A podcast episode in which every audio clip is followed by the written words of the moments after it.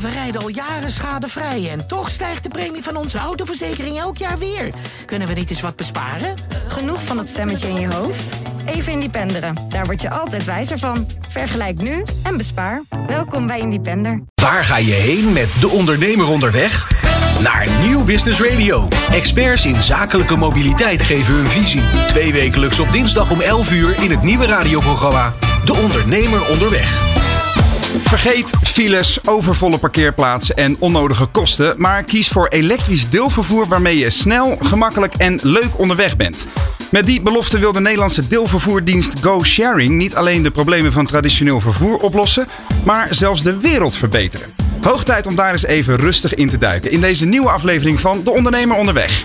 Dit is De Ondernemer onderweg met Roland Tameling Ja, op over de- Nieuw Business Radio. Daar was ik net iets te vroeg. Hè? Over de missie en de aanpak van GoSharing ga ik het hebben met een van de oprichters en de CEO van het bedrijf, eh, Raymond Pauwels. Raymond, hartelijk eh, bedankt voor je komst naar de studio. Welkom in De Ondernemer Onderweg. Ehm, jullie faciliteren allerlei vormen van elektrisch deelvervoer. Hè? Maar hoe ben jij hier vandaag naartoe gekomen?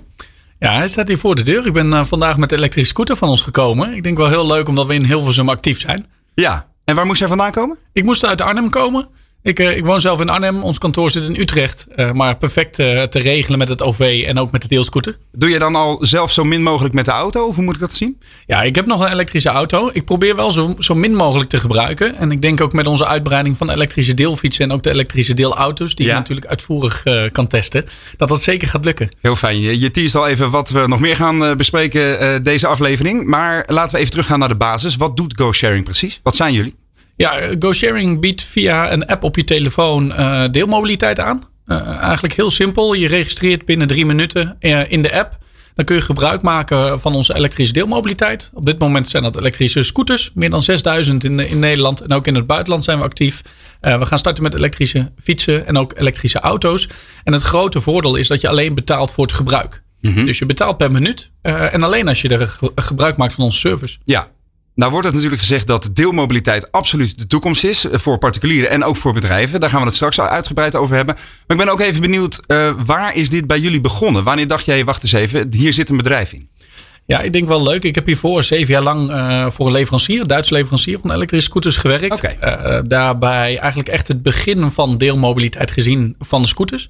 Eh, zowel in Duitsland, maar vooral in Zuid-Europa, waarin deelmobiliteit qua tweewielers al een heel stuk verder is. Enorm veel mooie projecten mogen doen met veel grote bedrijven die, eh, die de voertuigen hebben gekocht.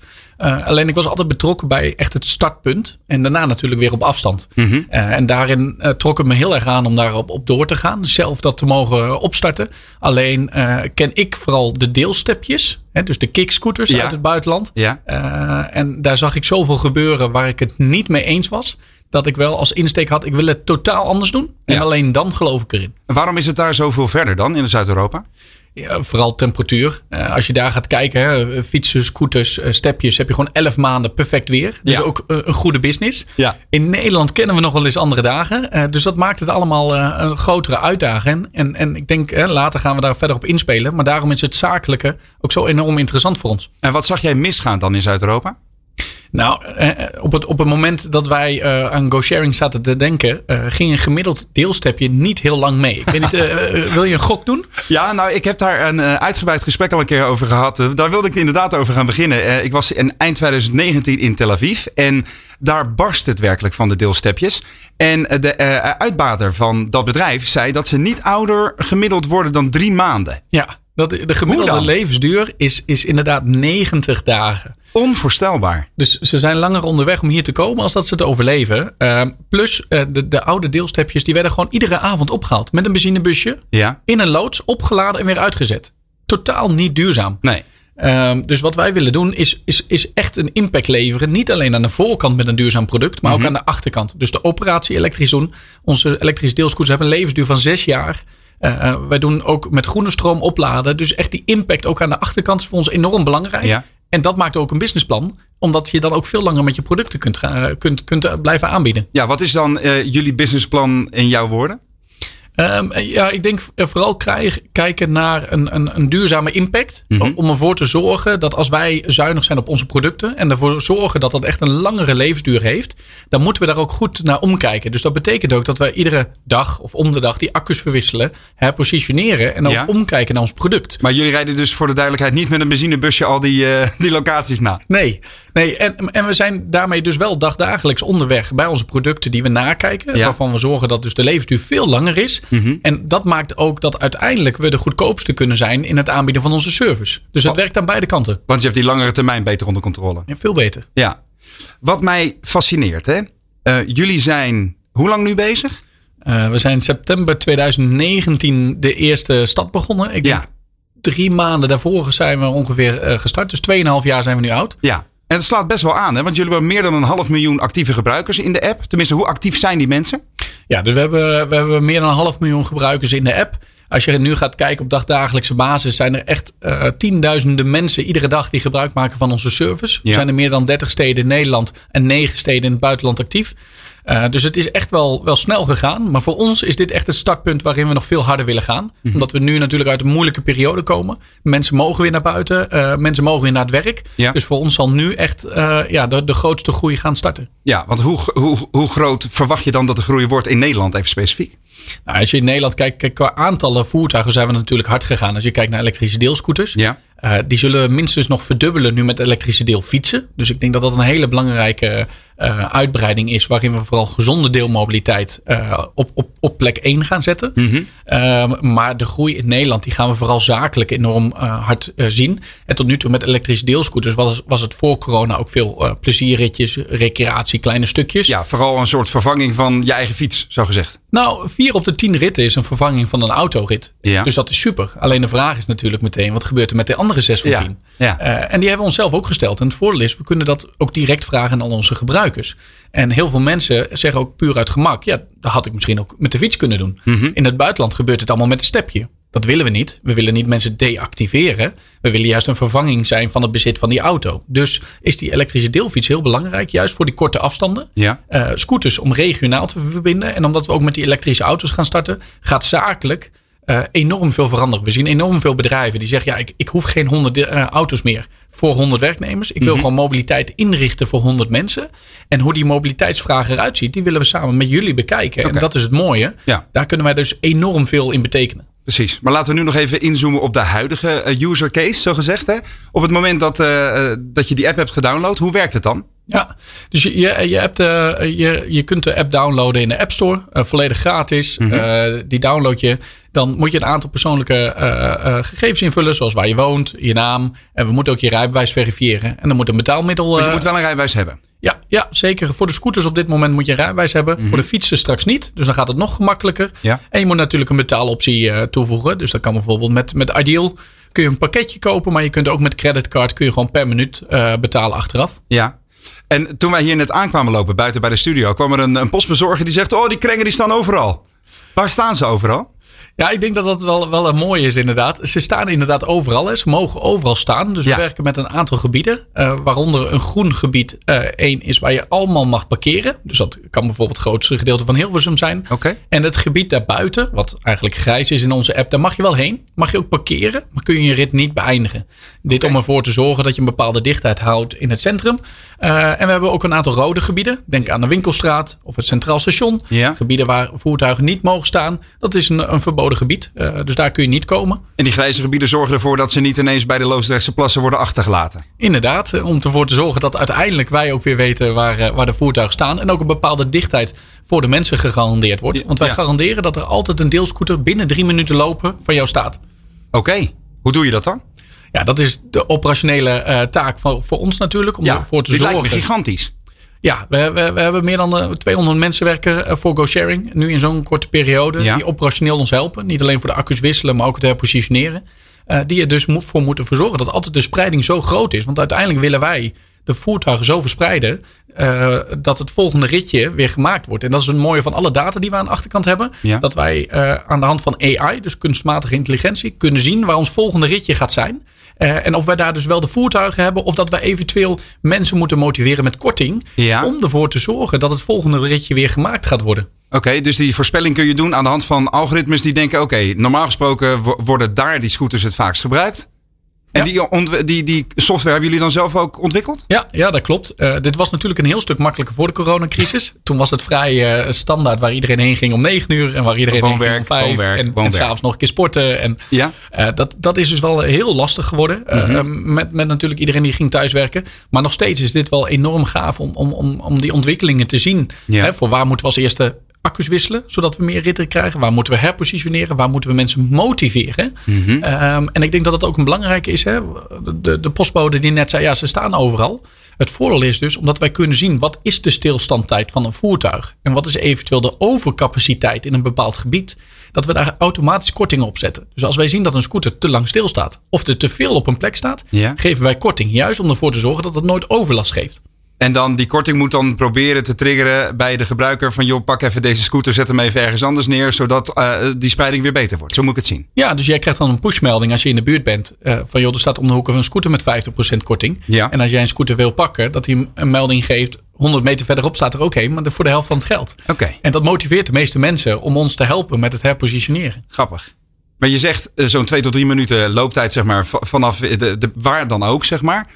Hoe landelijk is die dekken, dekking dan nu al?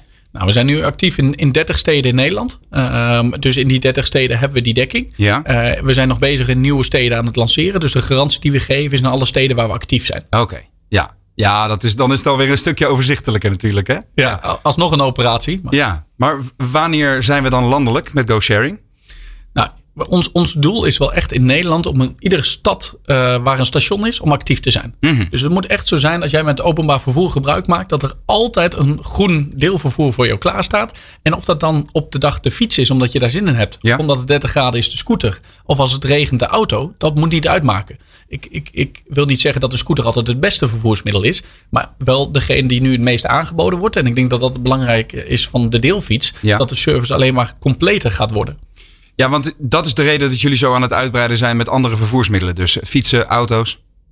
Ja, ja, klopt. Ja, alles 100% elektrisch. Maar het is heel belangrijk om die dichtheid te hebben in het centrum. Ja. Dus ik geloof er enorm in dat uh, bijvoorbeeld Rotterdam, centrum Rotterdam, volzetten met elektrische deelfietsen. Zorgen dat die dichtheid er is. Dat mensen er altijd van uit kunnen dat er een deelvervoersmiddel naast staat. Hè, Mm -hmm. Meteen op loopafstand. Mm -hmm. Dat is nu het, het, grootste probleem met deelvervoer. Dat de dichtheid niet groot genoeg is.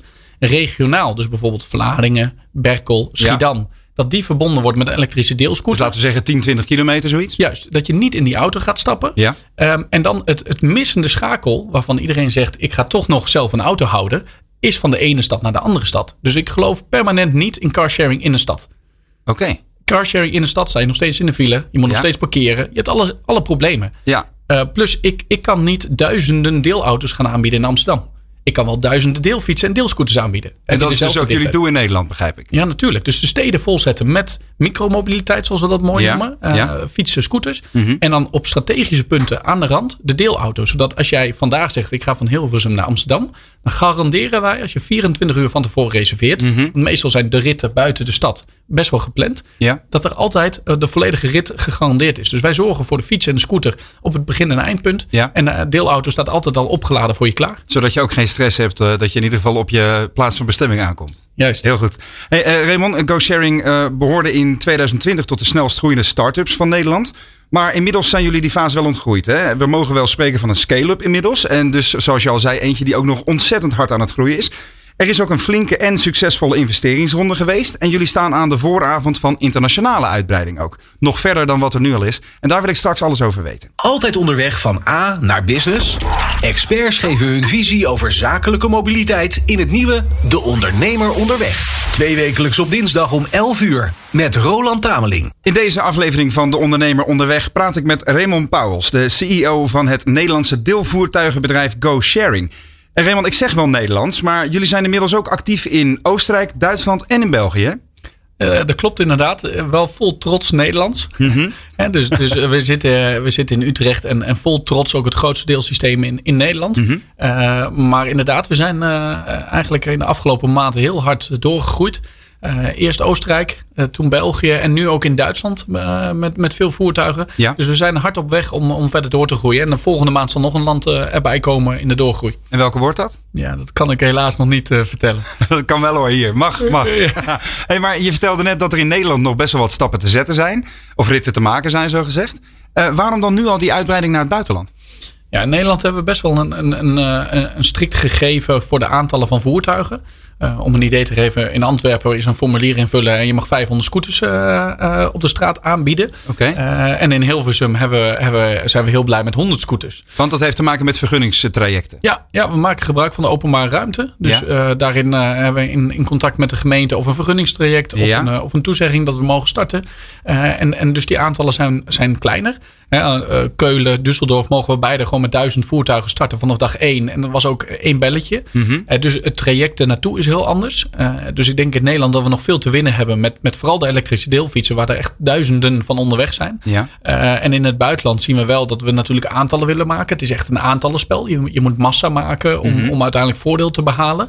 Uh, dus we, ja, we zijn hard bezig om door te groeien en ook om in die landen marktleider te worden. Ja, ik vind het nog wel even interessant, die regeldruk in Nederland. Hè? Dat is dus een onwijze groeibarrière voor jullie, kan ik me voorstellen.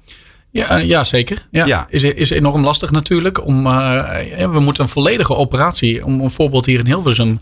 We moeten wel hier 18 uur per dag onderweg zijn. Accu's wisselen, operatie doen. En, en ook altijd snel reageren als er natuurlijk iets aan de hand is. Mhm. Uh, en dat voor 100, 150 voertuigen is, is lastig om up and running te doen. Dat doe ik veel liever met duizend voertuigen. Ja. Dan krijg je veel meer uh, uiteindelijk efficiëntie in het bedrijf. Maar zie je dan een ontwikkeling in de acceptatie van dit soort uh, verdienmodellen, van dit soort uh, initiatieven uh, bij overheden? Ja, ik denk het wel. Omdat we zien dat, dat de aanbieders, en daar werken we ook samen mee met andere aanbieders, Ja. de verantwoording nemen om echt een goed plan neer te leggen. Om ervoor te zorgen dat we ook die verantwoording nemen van de service die we aanbieden. Mhm. Um, en ik denk bij ons wel, hè, het gemakkelijkste is natuurlijk om te zeggen, we gaan naar een grote stad. Dus de beste dichtheid en hè, kun je prima een service aanbieden. Ja, over schaal gesproken. Ja. Ja, hè, veel makkelijker. Kleiner gebied, meer voertuigen, uh, perfect. Alleen denk wel, het leuke is dat wij gewoon altijd de klant centraal zetten. Dus we zeggen, oké, okay, de klant centraal. En wat wil de klant? De klant die wil niet alleen in Rotterdam rijden, of Mhm. Amsterdam, of Mhm. Utrecht. Nee, die wil gewoon overal waar ze uit, uit het station lopen, een scooter gebruiken. Dus dan is het aan ons om dat te faciliteren. En dat zien we eigenlijk overal bij GoSharing terugkomen. Als het nou voertuigtype is, openingstijden. We zijn 24-7 open. Maar bijvoorbeeld ook de leeftijd. We zijn de enige die vanaf 16 jaar te gebruiken is. Mhm. En dat is puur omdat wij zien dat de gebruiker dat heel graag wil. Juist. En uiteindelijk die uitbreiding naar het buitenland dan. Die, die, die drempels zijn daar wat minder hoog, vertel je net. Zijn er uh, leerpunten die je al met ons kan delen en met de andere ondernemers die zitten te luisteren? Waar ben je tegen aangelopen en hoe heb je die hobbels uh, overwonnen? Ja, ik denk heel belangrijk is, ook al is het België of Duitsland, de cultuur is totaal anders. De regelgeving is totaal anders. Ja. Uh, en, en, en, bijvoorbeeld een, een, een voorbeeld. Uh, in het buitenland zijn heel veel deelstepjes. Mm -hmm. Duizenden per stad. Je dus moet dat, meteen aan Parijs denken ook. Waar ja. je uh, bijna van de, de stoep wordt gereden door die dingen. Ja, 20.000 in Parijs. Echt waar joh. Dus dat zijn de aantallen. Ja. Uh, dus dat is echt wel totaal anders. Uh, ik, ik, denk wel het belangrijkste wat ik heb geleerd. En ook vanaf dag één heb geïmplementeerd. Mm -hmm. Is lokale kennis. Dus overal hebben we hele goede lokale teams die echt daar de situatie kennen. En die laten we ook volledig aan het woord. Okay. Dus we geven ze alle tools. En we ja. zorgen dat alles voorhanden is van alles wat we hebben geleerd hier in Nederland. Uh, maar ik vind het heel belangrijk dat er een lokaal team zit die echt weet wat daar de, de oplossing is. En hoe heb jij die kenners gevonden dan? Ja, een, een, beetje geluk. Uh, een beetje vanuit de vorige, vorige werkgever. Uh, er zijn ook veel mobiliteitsaanbieders die het hebben geprobeerd, maar niet hebben gehaald. Maar ja. hele goede mensen hebben. Dus wij proberen overal de beste uit te halen. En, ja. en daarmee dan weer door te groeien. Want waarom hebben die andere aanbieders het niet gehaald dan? Dat is natuurlijk ook iets waar je veel van, van hebt kunnen leren. Ja, ik, ik, ik denk vooral focus houden op hetgene wat belangrijk is. En we hebben echt vanaf dag één met eigenlijk niks. Hè. We, hadden, we hadden geen geld voor mensen. We hadden Mhm. nergens geld voor. Hebben we toch gestart. En, en de focus daarbij was echt op de voertuig. Dus uh, om een voorbeeld te geven. We hadden een, uh, vind ik altijd een heel, heel leuk voorbeeld. We hadden één werknemer. Uh, die kwam marketing voor ons doen. En die kwam van een andere aanbieder. Ja. En die gaf aan, ja, nieuwe stad. Doen wij altijd 75.000 euro marketingbudget. Om echt te laten zien dat we er zijn. Ik zeg, nou, je krijgt 1000 euro. En, Succes. En meer krijg je niet, want ik heb voertuigen daar. Ik, Ja. ik, ik heb liever meer scooters rijden, want dat is uiteindelijk wat de consument wil. Mhm. En dat is wat we overal terug laten komen. De essentie is dat het appje werkt en dat de scooter goed werkt en bij jou in de buurt staat. En de rest maakt allemaal veel minder uit. En die essentie, die moet je aanhouden, altijd. En zorgen dat die service optimaal is en ook de betrouwbaarheid. Heel goed. En in Nederland heb je nog wat, eh, wat andere concurrenten. Je hebt de, de Felix scootertjes, je hebt checkrijden. Eh, wat doen jullie dan anders en waarom? Ja, ik denk niet dat dat de concurrenten zijn. Oké, Eh, om een idee te geven, op dit moment doen we met deelscooters 0,01% van alle mobiliteit in Nederland. Mhm. Dus stel nou dat we het echt heel goed doen. En we pakken 50% van die markt, hebben we alsnog drie keer niks. nee. Stel nou dat we 1% uit de auto krijgen. Hebben we allemaal een geweldige markt. Dus je grootste concurrent is de eh, gebruikelijke ritjes, zijn de gebruikelijke ritjes in de auto. Ja, zeker. Dus echt het autobezit is, is onze concurrent. En als Ja. we daar een verandering in kunnen bewerkstelligen. Eh, samen met de gemeente, die dat ook een plek moet geven in, in, in de infrastructuur. Ja? Ja, dan, dan, hebben we, dan hebben we een geweldige toekomst. En ik denk daarbij, tuurlijk doen we heel veel dingen anders. En, en denken we dat we heel veel dingen beter doen. Maar uiteindelijk is dat wel de essentie. Dat we vooral de markt moeten laten groeien. En dat Ja. doen we samen met Check en Felix. Maar dat heeft dus te maken met een soort publieksacceptatie. Hoe ga je die mensen van achter het stuur wegkrijgen dan? Nou, ik, eh, dat klinkt misschien vreemd, maar corona heeft daar enorm bij geholpen. Mhm. We zijn toch gemaksmensen. en, en eh, vrij standaard stap ik iedere ochtend in mijn auto. Ja. En eh, het thuiswerken heeft dit wel verstoord. En ons opnieuw laten kijken van hoe gaan wij weer naar het werk. En daarin zien we een enorme acceptatie voor deelvervoer. Want ik gebruikte dat altijd toen ik aan het thuiswerken was. En s'avonds nog een ritje. En eh, naar vrienden of nog een keertje sporten als dat weer mocht. Eh, en dat zien we nu dat mensen dat eigenlijk wel lekker vinden. Dat deelvervoer. En eh, ja, waarom dan die tweede auto nog die 300 euro per maand kost. Ook al gebruik ik hem niet. Ja. En daar zit nu de grote winst voor ons ook zakelijk. Dat enorme bedrijven naar ons toe komen. En die zeggen ja, eh, al die auto's van de zaak. is al een beetje, een beetje verleden tijd. Heb je voorbeelden van bedrijven die dat doen dan? Nou, ja, heel veel. Ik denk het mooie in Eindhoven zijn we als eerste begonnen. Ja. Eindhoven Airport gaf aan, ja, onze eerste dienst begint om vijf uur. De eerste bus komt om zes uur aan. Eh, ja, en parkeerplaatsen is toch ook niet altijd het, het meest geweldige eh, bij het vliegveld. Is natuurlijk enorm druk. Eh, pilot gedaan, enorm succesvol. En die hebben aangegeven, wij willen graag 200 eh, vervoersmiddelen. Wat voor pilot was het dan? Er was een pilot voor het personeel van, Ja. van, de, van de luchthaven om woon-werkverkeer te doen. Ehm, dus enorm succesvol. Vooral omdat ze hebben gezien dat openbaar vervoer niet op de juiste tijdstippen voor het personeel komt. Mhm. Meestal wel voor het vliegend verkeer, maar niet voor het personeel.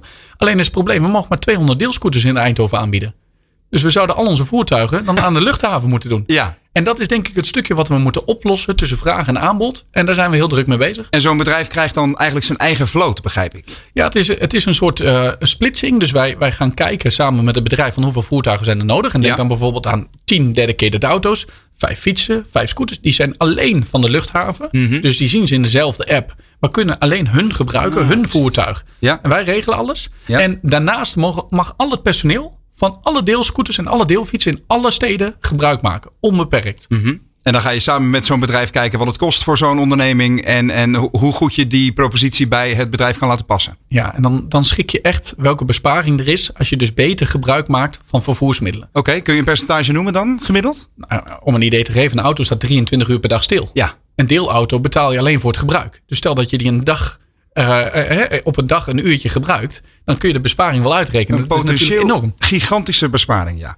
Over geld gesproken. Jullie hebben een ongelooflijk grote investeringsronde achter de rug. Hè? Eh, eh, jullie moedermaatschappij, de holding achter GoSharing, Go Green, heeft in april van dit jaar 50 miljoen euro opgehaald. Eh, ten eerste, hoe hebben jullie die kapitaalinjectie voor elkaar gekregen? Hoe regel je zoiets? Ja, nou, dat, dat is nog best wel een, eh, een ding om dat natuurlijk eh, compleet te regelen. Eh, we hebben vlak na oprichting eh, een, een 10 miljoen investering gekregen van onder andere Rabo Corporate Investments. En, en nu een nieuwe investering van eh, Opportunity Partners. En we zijn daar echt wel een tijd mee bezig geweest om de juiste partner te vinden. Ik denk dat vooral, eh, we zijn heel druk bezig geweest met groeien. En je wil niet dat daar de focus van weggaat. Eh, en we zijn heel erg gaan kijken. Hè. Er waren wel meerdere partijen geïnteresseerd. Maar welke partij kan ons echt verder helpen?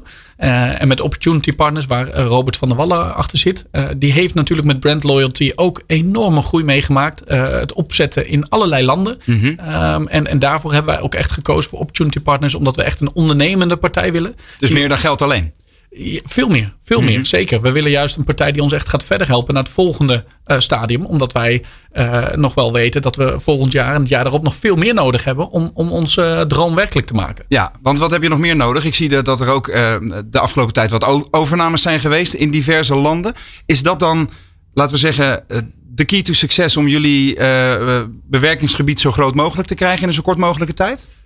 Ja, nou ja, je hebt, je hebt twee mogelijkheden om, eh, om te starten in een nieuw land. De Ja. een is het zelf opbouwen. eh, heeft veel voordelen, maar ook nadeel. En een nadeel is eh, tijd. Eh, en een andere mogelijkheid is een overname. Ja. Dus we kijken altijd voor iedere land naar de meerdere mogelijkheden die er zijn. En ja, daarin zijn een aantal overnames gedaan. En zijn ook nog een aantal overnames die eraan zitten te komen. En wat is in potentie de grootste markt in Europa bijvoorbeeld? Voor jullie om te groeien? Nou, als je nu bijvoorbeeld kijkt naar, naar het sharing gedeelte, dan is Duitsland natuurlijk enorm. Want Mhm. overal mag je starten en overal mag je onbeperkt aantallen neerzetten. Oké. Dus de markt is enorm. Maar, Hebben zij dan de regels teruggeschroefd of zo? Of hebben ze daar überhaupt geen regels voor? Nou, ik denk dat, het, dat, het, dat eh, de aankijk tegen deelvervoer anders is. Kijk, in het buitenland wordt het echt gezien als de, de oplossing voor het centrum. Ja. Dus de gemeentes betalen zelfs subsidie als we willen starten. En in Nederland is het vooral de kijk van ehm, eh, hoe gaan we geen overlast creëren en Ja. wat, hoe kunnen we dat heel langzaam aan laten groeien. En eh, daar is in het buitenland dus wel veel sneller, veel meer mogelijk, maar is ook echt een andere markt. Ja. Maar ik begrijp dus wel dat de Nederlandse overheden eh, nog wel even hun blik wat, wat ruimer mogen zetten. Wat is jouw boodschap aan bijvoorbeeld gemeentebesturen? Nou, ik denk dat er al wel veel stappen gemaakt zijn bij de gemeente. Dus, Mhm. dus onder andere maakt niet iedere gemeente een eigen plan meer. Er wordt wel veel meer naar een gezamenlijk plan gekeken. Wat voor ons natuurlijk veel gemakkelijker is. We kunnen moeilijk iedere gemeente alle eigen regels weer aanstellen. Ehm, en, en ja, ik denk dat we vooral samen met de gemeentes moeten kijken hoe succesvol de start is geweest. Ja. Hoeveel duizenden mensen gebruik maken van ons deelmobiliteit. En dat vooral eh, uitbreiden. Het, het valt en staat volgens mij ook met de acceptatie van die elektrische deelscooters. Hè? Want ehm, hoe graag stappen de bedrijven bijvoorbeeld in om hun medewerkers op elektrische deelscooters te laten rijden? Daar heb je het net al even over gehad. Maar hoe houdbaar is ook jullie businessmodel op de lange termijn? En hoe zit het nou met al die klachten over die elektrische deelscooters die overal en nergens worden neergelegd? Daarover eh, straks meer. Maar eerst even een boodschap van on, eh, aan ondernemers, moet ik zeggen, van de professionals van Bosch Car Service. Altijd onderweg van A naar business? Experts geven hun visie over zakelijke mobiliteit in het nieuwe De Ondernemer Onderweg. Twee wekelijks op dinsdag om 11 uur met Roland Tameling. Michiel Vrijters, jij bent eh, conceptmanager van Bosch Car Service en weet dus alles over wat jullie eigenlijk precies doen in die 425 vestigingen door heel Nederland. En daar ben ik blij om, want ik heb natuurlijk weer een vraag deze week. Ik ken de Bosch Car Service vooral als een plek waar ik mijn auto kan onderhouden. En ik ga ervan uit dat veel ondernemers diezelfde mening hebben. Maar jullie doen veel meer, hè? Vertel eens. Ja, we doen echt eh, alles voor uw auto. Alles onder eh, één dak rondom het autorijden, het auto bezitten. Ja. Eh, dat begint al bij de aankoop van een auto. Dat kan eh, een tweedehands auto zijn. Dat kan een nieuwe auto zijn. Dat kan Mhm. het leasen van een auto zijn. Dat kan private lease zijn. Dus dan heb je echt het, eh, nou ja, het eh, gedeelte rondom de aanschaf. Ja, maar hoe zit het dan? Want niet elke Bosch Car Service heeft bijvoorbeeld een showroom, toch? Nee, klopt. Maar het is wel een heel groot netwerk. En ze kennen elkaar allemaal goed. En ze weten precies welke voertuigen bij elkaar staan. Ja. Dus als er een Bosch Car Service die geen auto's verkoopt, kan je wel altijd gewoon terecht. In ieder geval ook voor het advies rondom de aankoop van een auto. Het voordeel is natuurlijk dat die vestigingen vrij dicht bij elkaar zitten ook wel. Hè? Tenminste, het netwerk is behoorlijk fijnmazig. Dus stel, ehm, nou, de Boschcar eh, Service vestiging waar ik veel kom, zit in, eh, in, het Westland, in Honsensdijk. Eh, ik weet, Kok Simons daar, de uitbater, die heeft geen showroom. Maar als ik stel, stel ik, ik leg bij hem de vraag neer, Kok, ik zoek een nieuwe auto en moet hier en hier aan voldoen. Kun jij voor mij op zoek gaan? Dan heeft hij dus een heel netwerk tot zijn beschikking om dat uit te zoeken. Absoluut. En heeft hij 425 collega's in Nederland waar, waar ja, zo verschrikkelijk veel auto's staan. Dus daar staat altijd wat jij zoekt. Dat, eh, ik ben bijna geneigd om, het, eh, om je aan die belofte te gaan we houden. kunnen het een keer gaan testen. Ga maar zoeken dan. Ja. Hey, en verder, eh, garantie bijvoorbeeld. Want dat is natuurlijk een, een punt waar veel ondernemers ook wel op kunnen terugvallen. Hoe zit dat? Ja, absoluut. We hebben meerdere garantiemogelijkheden. Standaard heeft iedereen natuurlijk de zes maanden BOVAG-garantie. Maar wij kunnen die garantie, die garantie ook verlengen. Dat heet de Bosch Car Service Excellent garantie. Dat kan je verlengen met zes maanden, dus naar 12 maanden of zelfs naar 18 maanden. Ja. Maar het is ook mogelijk om met dit product de fabrieksgarantie te verlengen. Dus als jij een nieuwe auto hebt met twee jaar fabrieksgarantie en je zegt, nou, ik vind het eigenlijk wel lekker. Dat ik gewoon alleen die kosten heb voor het onderhoud en geen onverwachte kosten voor een reparatie. Dan kan je ook verlengde garantie nemen en ja, de fabrie- fabrieksgarantie verlengen bij ons. En dan kopiëren jullie, alle, jullie als het ware gewoon de voorwaarden van die fabrieksgarantie. Ja, klopt. Ja, Klopt. En hoe zit het dan bijvoorbeeld met, met elektrische auto's? Want eh, die, die, eh, daar wordt heel veel op, ehm, juist op die garantie, eh, proberen de merken zichzelf te onderscheiden. Hè? Eh, eh, voor eh, acht jaar garantie op je batterij is, is niks. Maar Toyota doet zelfs voor hun elektrische busjes 15 jaar garantie en een miljoen kilometers. Uh, kunnen jullie daar dan ook uh, uh, de gelijke voorwaarden aan schetsen? Ja, absoluut. Dat zijn natuurlijk producten die je kan, kan je verzekeren. Ja. Dus gewoon die garantie verzekeren. En ik denk, de onderhoudskosten bij ons zijn een heel stuk lager. Dus ik denk dat je onderaan de streep toch steeds goedkoper uit bent over die miljoen kilometers. Ehm, daarnaast is het natuurlijk niet zo dat het altijd domweg garantie is, 100%. Marnix heeft in een andere podcast ook al uitgelegd dat het dan vaak een coulantieregeling betreft. Ja, dat is jouw collega die de verschillende vestigingen adviseert. Ja. hoe ze zo goed mogelijk jullie formule in de praktijk kunnen brengen, toch? Klopt, klopt. Ja. En die heeft daarin ook uitgelegd, ja, er is dan een coulantieregeling. Dat is dan vaak een derde van uh, de kosten zijn voor de, de, eigenaar van de auto. Een derde voor de dealer die het onderhoud doet. En een derde voor de importeur. Mm -hmm. uh, maar wij kunnen vaak gewoon een reparatie uitvoeren aan zo'n auto. Uh, en dan, ja, dan zijn die kosten een, een fractie van zo'n totale reparatie. En ben je onderaan de streep nog steeds veel voordeliger uit. Dus het wordt dan wel garantie genoemd, maar feitelijk heel bewust geen fabrieksgarantie. Nee, en ik denk dat je gewoon echt heel goed die voorwaarden moet lezen. Ja, Absoluut. dat, dat, hebben jullie als het goed is voor mij gedaan. Dat hebben wij zeker weten gedaan, ja, absoluut. ja, ja. Hey, en, en pechhulp en dergelijke. Want uh, ik weet ook, er zijn uh, collega's of juist ook de, de nieuwe merkdealers. Die zeggen, joh, als je bij ons een auto koopt uh, en in onderhoud hebt, dan heb je standaard onze pechhulp. Hoe zit dat bij jullie? Nou, ik zeg altijd gratis bestaat niet. dus wij geven dat niet gratis weg. Wij okay. hebben gewoon een eerlijke prijs voor de pechhulp. auto's die bij ons in onderhoud zijn, die zijn heel goed onderhouden. Maar het kan altijd gebeuren dat je een keer pech hebt. Je mm -hmm. kan ook een keer verkeerde brandstof tanken. Je kan je sleutels een keertje kwijt zijn. Je kan een keer een lekke band hebben. En dan heb je gewoon hulp nodig. Ja. Uh, dus wij hebben een hele scherpe, uh, scherpe tarieven voor die pechhulp. Een Europa-product, een Nederland-product, woonplaatsservice. en het is ja, een, nogmaals een hele vriendelijke prijs. En dit is er ook weer zo eentje. Onderaan de streep is het echt wel goedkoper om het bij een Bosch Car Service te doen. Het onderhoud en daarbovenop een pechhulp kopen. Dan het onderhoud bij een dealer te laten doen. Want nogmaals, gratis bestaat niet. Maar is zo'n pechhulp dan alleen af te sluiten als ik mijn auto bij jullie in onderhoud heb? Of kan ik ook zeg maar alleen de pechhulp doen? Nee, nee, nee. Je moet echt bij ons in onderhoud oh, zijn. Want, ja, daarom is, kunnen we die prijs ook scherp stellen. Ja, die auto's die bij ons in onderhoud zijn, uh, dan zien we ook gewoon, dan is het, uh, ja, dat heet dan heel mooi, het interventiepercentage is lager. Want die auto's hebben ook gewoon echt minder vaak pech. Mm -hmm. uh, en dat kunnen we ja, indekken voor een bepaald bedrag. En dan uh, heb je dan een keertje pech, kom je 24 uur per dag door heel Europa helpen. Juist, dus een soort kostenbatenprognose gemaakt. Ja. Uh, omdat jullie gewoon goed werk leveren, uh, is de kans op een pech onderweg wat minder groot. Absoluut, absoluut. Heel goed. Hoe zit het eigenlijk met, uh, met dat voorspellende van, uh, van het onderhoud, wat ook steeds belangrijker wordt? Hè? Auto's worden intelligenter. Um, uh, systemen kunnen over de air hun software updaten en kunnen ook signalen geven aan bijvoorbeeld een, een beheerder van een werkplaats. Joh, ik, ik merk, mijn kilometers gaan wat harder dan normaal, dus ik moet waarschijnlijk ook eerder bij jou in de werkplaats zijn. Is dat iets wat jullie ook kunnen bieden? Ja, maar wij bieden dat op een iets andere manier. We hebben natuurlijk dusdanig veel ervaring met die 15.000 vestigingen wereldwijd uh, over de onderhoudsbehoeften van auto's. Dat wij prima kunnen inschatten uh, wat wanneer uh, vervangen moet worden. Mm -hmm. vroeger had je het natuurlijk altijd over een kleine beurt en een grote beurt. Nou, dat is iets wat al helemaal niet meer bestaat. Auto's geven gewoon precies aan wanneer ze onderhouden moeten worden. En wij hebben daar bovenop nog gewoon eens de kennis van: hé, hey, er zijn altijd bepaalde type onderdelen ehm, waarvan we weten bij die kilometerstand gaat het kapot. En dan kunnen wij die eigenaar van die auto op tijd adviseren van: joh, ik zou het nu vervangen om stilstand te voorkomen. Vooruitdenken. Regeren is vooruitdenken. Absoluut. Ja. ja, zo is dat. En um, mijn vraag is vaak: gaan we leasen of gaan we kopen? En die vraag hebben veel ondernemers natuurlijk ook. Kopen is één ding, maar een maandbedrag voor iets nieuws of een nieuwe auto in ieder geval is ook wel aantrekkelijk. Uh, hebben jullie daarvoor ook producten bedacht? Nou, voor private lease hebben wij inderdaad producten. Voor het leasen van auto's of het leasen van bedrijfswagens hebben wij diverse partnerships afgesloten. Mm -hmm. uh, dus ja, kan bij ons gewoon ook terecht voor het leasen van een voertuig. Ja, dus al met al kun je concluderen dat je als ondernemer en je bent klant bij Bosch Car Service, heb je voor al die facetten uh, van het wagenpark dat je hebt rijden, of je eigen auto zo gezegd, heb je dus één aanspreekpunt bij jou om de hoek. Um, waarmee je eigenlijk alles kan, uh, kan afdekken. Ja, absoluut. En eigenlijk zoals ik het begin al zei, uh, alles onder één dak voor de auto. Mm. Eén aanspreekpunt, verschrikkelijk makkelijk en altijd lokaal, altijd in de buurt. Hartstikke fijn. En nu we toch zo lekker bezig zijn, hè? ondernemers die zich aansluiten bij Bosch Car Service, um, die moeten natuurlijk van alle markten thuis zijn. Uh, wat typeert die mensen eigenlijk? Uh, een stukje nieuwsgierigheid naar de nieuwe technieken die er allemaal zijn. Het wagenpark verandert heel erg. Er komen elektrische auto's aan. Uh, er komen steeds meer elektronica in. software komt erin. veiligheidssystemen. ADAS is dan ook altijd zo'n mooi woord wat gebruikt wordt. Ja. En ik denk dat deze ondernemers echt wel typeert. Die hebben hier allemaal een gezonde nieuwsgierigheid naar. en die willen bij ons de trainingen gaan volgen om ja. gewoon de klant te helpen. Als er een keer een storing in zijn systeem zit. Of een klant heeft er een vraag over. Mm -hmm. dan wil een Bosch Cars ondernemer daar gewoon echt alles van af weten. en die klant goed kunnen adviseren. Ik vind het heerlijk hoe enthousiast je raakt als je over dit hele idee aan de, aan de gang gaat. En zo te horen kunnen we daar de volgende aflevering nog veel meer over uitweiden. Dus ik zeg tot de volgende, Michiel. Dankjewel. Dankjewel. Altijd onderweg van A naar business?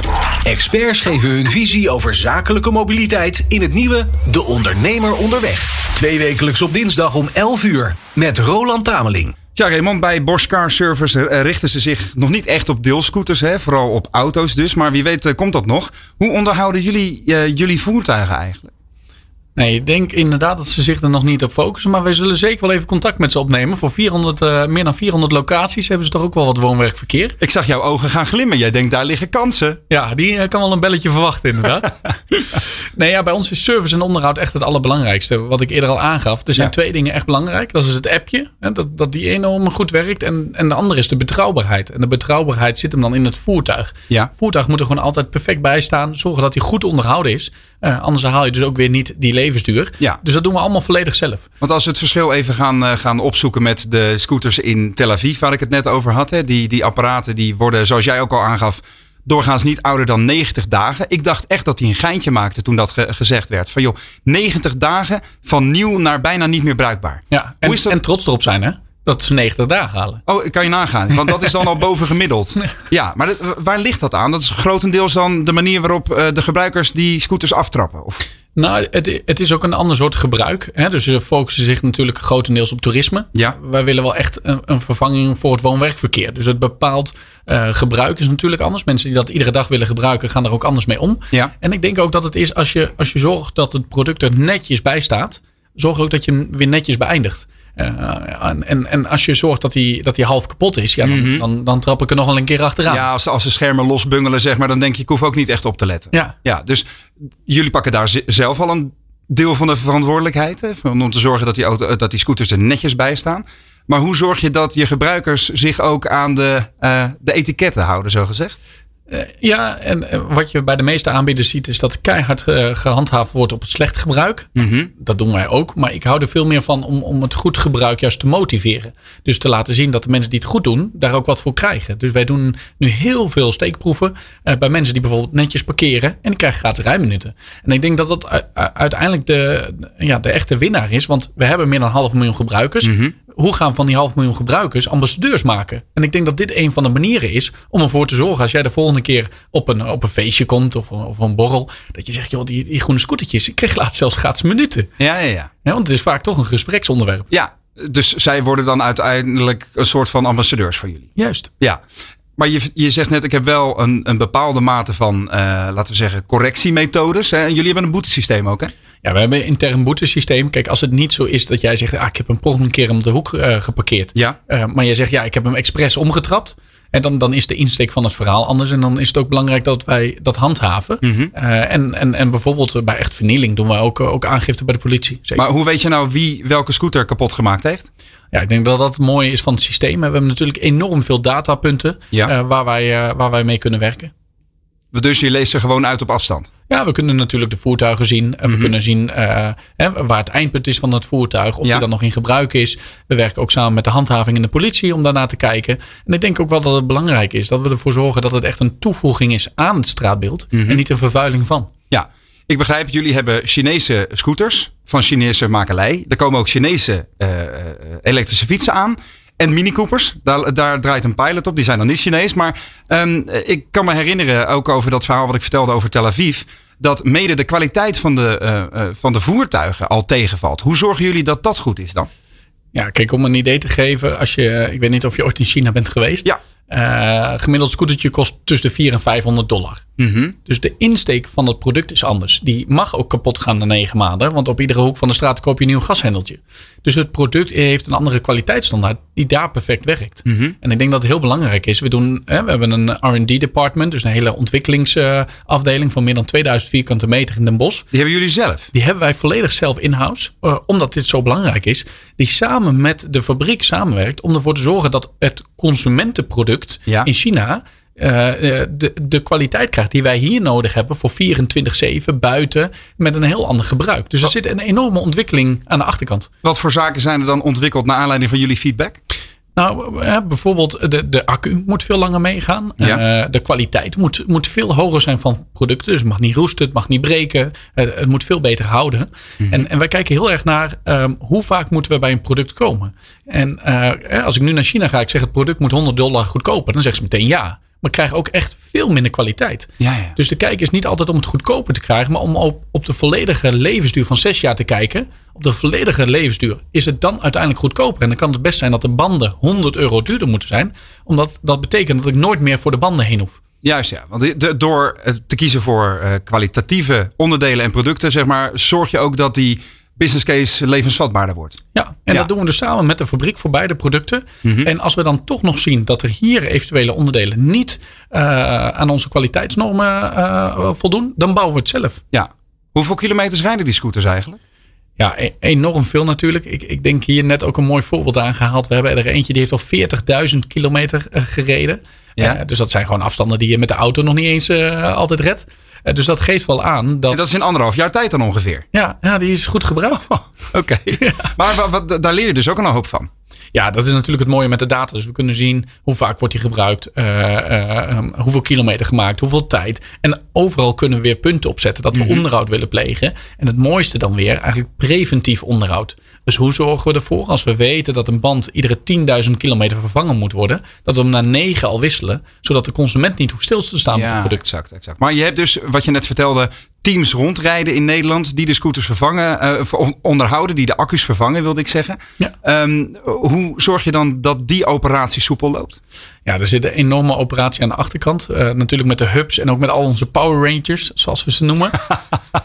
Serieus, ja, de Power Rangers. Ja, go, go Power Rangers. Eh, die- Dragen ze ook die pakken dan, die, die veelkleurige pakken? Ja, af en toe. Af en toe. Op feestjes sowieso. En, en af en toe dan, eh, dan, dan trekken we die pakken wel aan. Niet alleen de groene, maar alle Ja. kleuren van de regenboog. Ja. Eh, dus dat is wel leuk. Er zijn heel veel enthousiaste jongen en meisjes die naast het studeren meestal ook voor ons de accu's verwisselen.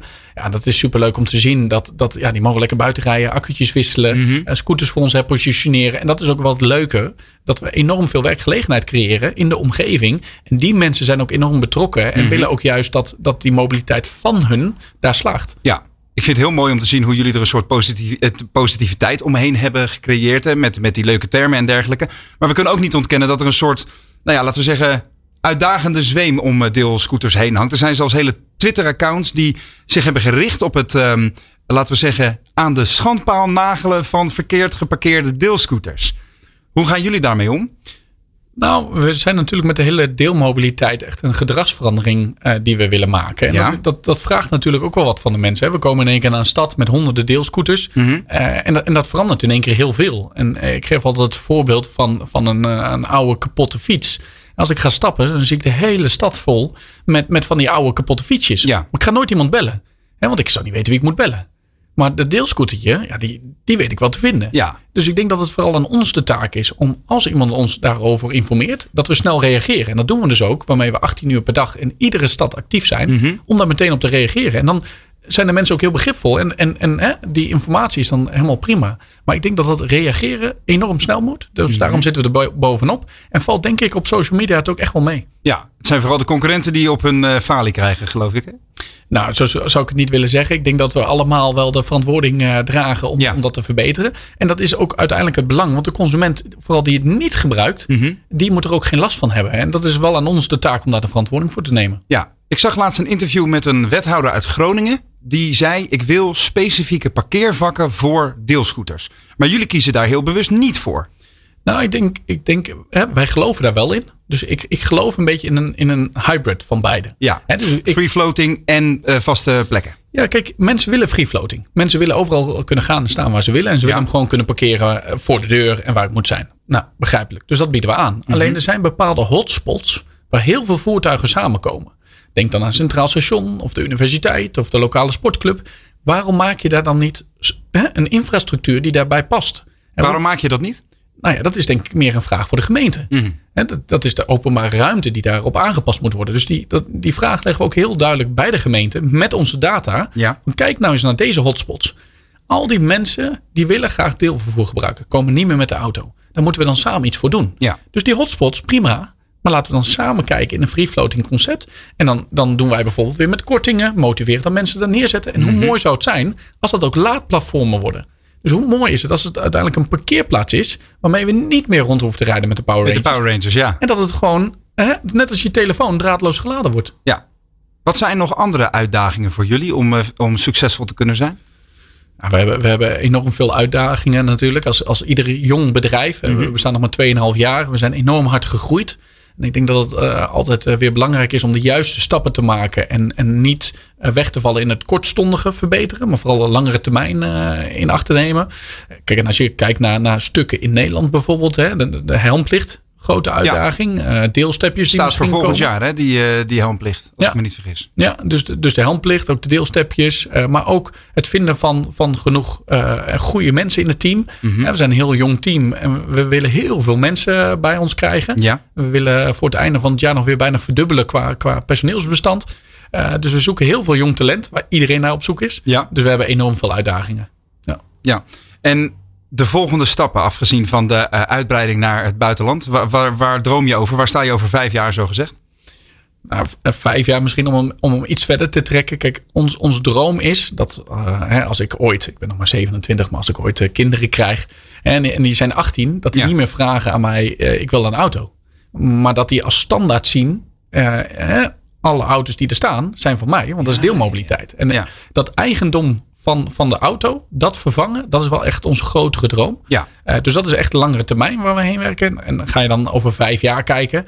Ja, dan hoop ik toch dat, dat, dat iedereen in Nederland eh, wel de groene deelscooter en deelfiets. En misschien nog wel een bakfiets of een busje. ja. Je weet het niet. eh, dat dat wel de nieuwe standaard is. En dat het echt voor iedereen het appje is wat ze op de telefoon hebben. Maar het duiveltje op mijn schouder zegt toch vaak dat die doorbraak van deelmobiliteit ook een beetje wishful thinking is. In hoeverre is het nou echt realiteit? Of realistisch? Het, het is, en, en dit is wel een hele mooie dat je dat zegt. Het, het is totaal realistisch. Kijk, iedere gemeente heeft hele mooie plannen voor over tien jaar. Ja. We gaan de stad verbeteren en we gaan dit doen. En we, en we gaan Autoluw. Ja, we gaan allemaal mooie plannen doen. En dat is ook geweldig. Daar moeten ze vooral mee doorgaan. Ja. Alleen eh, hetgene wat wij doen, doen we binnen een jaar realiseren. En de impact is dat we nu al meer dan 1000 ton CO2 hebben bespaard. Sinds onze start van GoSharing. Ja. Dus het is niet iets, iets wat lang gaat duren en over tien jaar iets gaat doen. Nee, we hebben nu binnen twee jaar meer dan een half miljoen gebruikers. We hebben meer dan 6000 voertuigen die we gaan verdubbelen binnen de aankomende maanden. Dit is iets wat vandaag speelt. En wat ook nu de oplossing is. Heel goed. Nou, ik zie dat jouw scooter nog niet is weggehaald. Hij staat nog steeds hier buiten de studio. Dus je kunt terug straks naar de trein en terug naar Arnhem. Dankjewel, eh, Raymond Pauwels Dankjewel. van eh, Go Sharing hier in De Ondernemer Onderweg. Ik ben heel benieuwd waar het heen gaat. En eh, ja, mocht je deze uitzending nog even rustig willen terugluisteren, dan kan dat natuurlijk. Elke aflevering van De Ondernemer Onderweg komt ook beschikbaar als podcast op alle bekende podcastplatforms. Wil je ondertussen meer eh, interessante nieuwtjes en achtergronden over mobiliteit voor ondernemers? Hou dan ook vooral onze website deondernemer.nl in de gaten.